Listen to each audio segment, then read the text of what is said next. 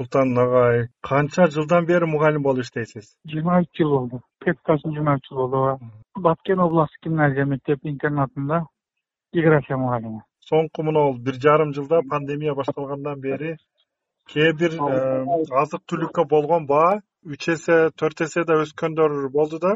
Анан кымбатчылык болуп инфляция күчөп турган мезгилде сиздердин айлык акы кандай болуп атат? Кантип жеткизип атасыз? Кантип жетишип атат үй бүлөңүзгө каражат? Албетте ал мына азык түлүктүн кымбатташы баары деле мугалимдердин мындай чөнчөгүнө оор келип атат мен деле мисалы үчүн менин алты балам бар алсабыр эле. Алты балам бар эми мен деле кыйналып атам эми мен бул анын үстүнө баткенде өрүк да болбоду негизи киреше булагым өрүк эле меники. Кошумча чарбам да. Эми чынында кыйынчылык болуп атат эми мында кээ бир мындай өзүбүздүн муктаждыктарыбызды камсыздоо кыйынчылык болуп атат. Эми бул боюнча мындай өкмөткө кайрылайын десең өкмөт өзү бюджет дефицит болуп атат андай мындай дегенден бир убактысы келсе дагы көтөрүшөт деп эле мындай үмүт менен жашап жатабыз. Мен көбүнчө эме кыламынчы ушундай бир Э, кошумча нерселерди ишке ашыруу үчүн эме ушундай эме болуп калганда мен кредит алам айыл банктан айыл банктан кредит алып ошону менен кичине эме кылып анан келинчегим дагы мугалим да ошол экөөбүздүкү алдыңкы экөөбүздүкү эме кылып турат да. И экөөңүздөр тең мугалимсиздерби келинчегим дагы мугалим да. Ал канча жылдан бери иштейт? Ал аныкы дагы бир он сегиз жыл болуп калыпчы стажына. Азыр мугалимдердин айлыгы канча алып атат эгер сыр болбосо орто эсеп менен мынабу биздин гимназияда көп стажы бар мугалимдер анан сабагы көбүрөөк мугалимдер жыйырма беш миңге чейин ашат. А бул көптөр а э, жакшыраак мугалимдер канчадан алып атат? Алар бир ондун тегерегинде алышат он миңдин тегерегинде. Орточо он миң он эки миңдин тегерегинде алышат. Жаңы бүтүп келген мугалимдерге абдан эле оор да бул али өзүң билесиң. Жаңы мугалим жаңы бүтүп келген мугалим жети сегиз миңдин тегерегинде акча алат.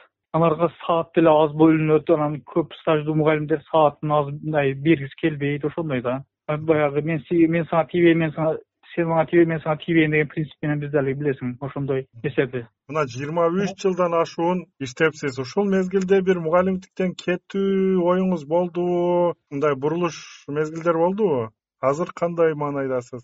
Мен мындай табигатыман мугалимдикти билбейм. Мен ошол аз болсо дагы ошол балдар менен иштеп көнүп калыппын да андай. Балдардан алыса албайм да өзүңүздү башка эмеден көрө албайсыз э башка ошо балдардан алыса албайм. Балдарга үйрөнүп калгам да. Ошол мен мисалы балдарга ушул билим берип тарбия берип ошонун ырахатын алып мен баягы мындайча айтканда икигайым ушундай болуп калган да.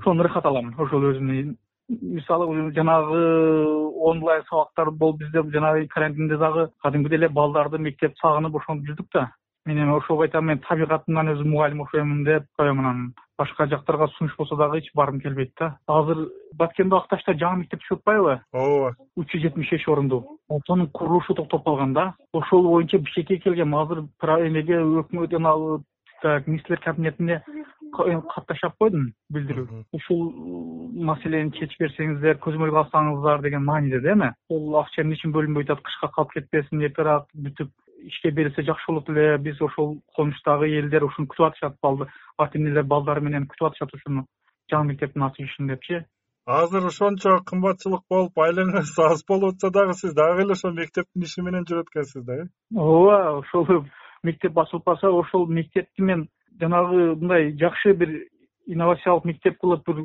орто мектептен дагы күчтүү балдарды чыгарса болот деген нерсени далилдейин деп эле жүрөм да. А кандай жаңычылдык жетишпей атат мектептерде? Мисалы эгер сиз мисалы ошол билим берүүнүн эмесинде болсоңуз эмне кылмаксыз башында болсоңуз? Бул баткен мектебинде эмне жетишпей атат инновациялык?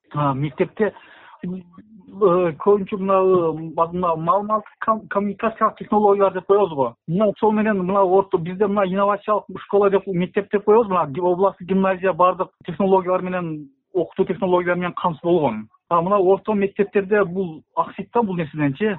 Ошол мектептерге ошол нерсени жеткирүү зарылчылык турат да азырчы. Мугалимдерди ошол маалыматтык коммуникациялык технология менен камсыздаш керек да. Мына жаңы нерселерди киргизип ошол мугалимдерге ошол жаңы нерселер менен окутуп ошонун үстүндө иштеш керек да маалымат коммуникациялык технологияларды толук мугалим камсыз болуш керек да ошол менен. Ошону менен азыркы учурда ошону менен сабак окусаң балага кызыктуу да мен гимназияда ошентип атам да мисалычы демек эски программалар эскирип калган деген ойдосуз пикирдесизби? Эми ошону балдарга ошол программаны балдар ошол программаны дагы өзүң чыгармачылык менен эмнени айтыш эмес кантип айтканды билиш керек да мугалим ошону жеткириш керек ошону ошол маалыматтык коммуникациялык технологияны жеткизе аласың да. Азыр балдарга эмнени айтыш эмес кантип айтсаң кызыктуу болот. Ошол нерсе да азыркы нерседечи кээ бирлер балдар эмне үчүн сени сабагың кызыгат эмне үчүн сени балдар жакшы көрөт деген суроо беришет да. Мен ушинтип жооп берем да. Рахмат сизге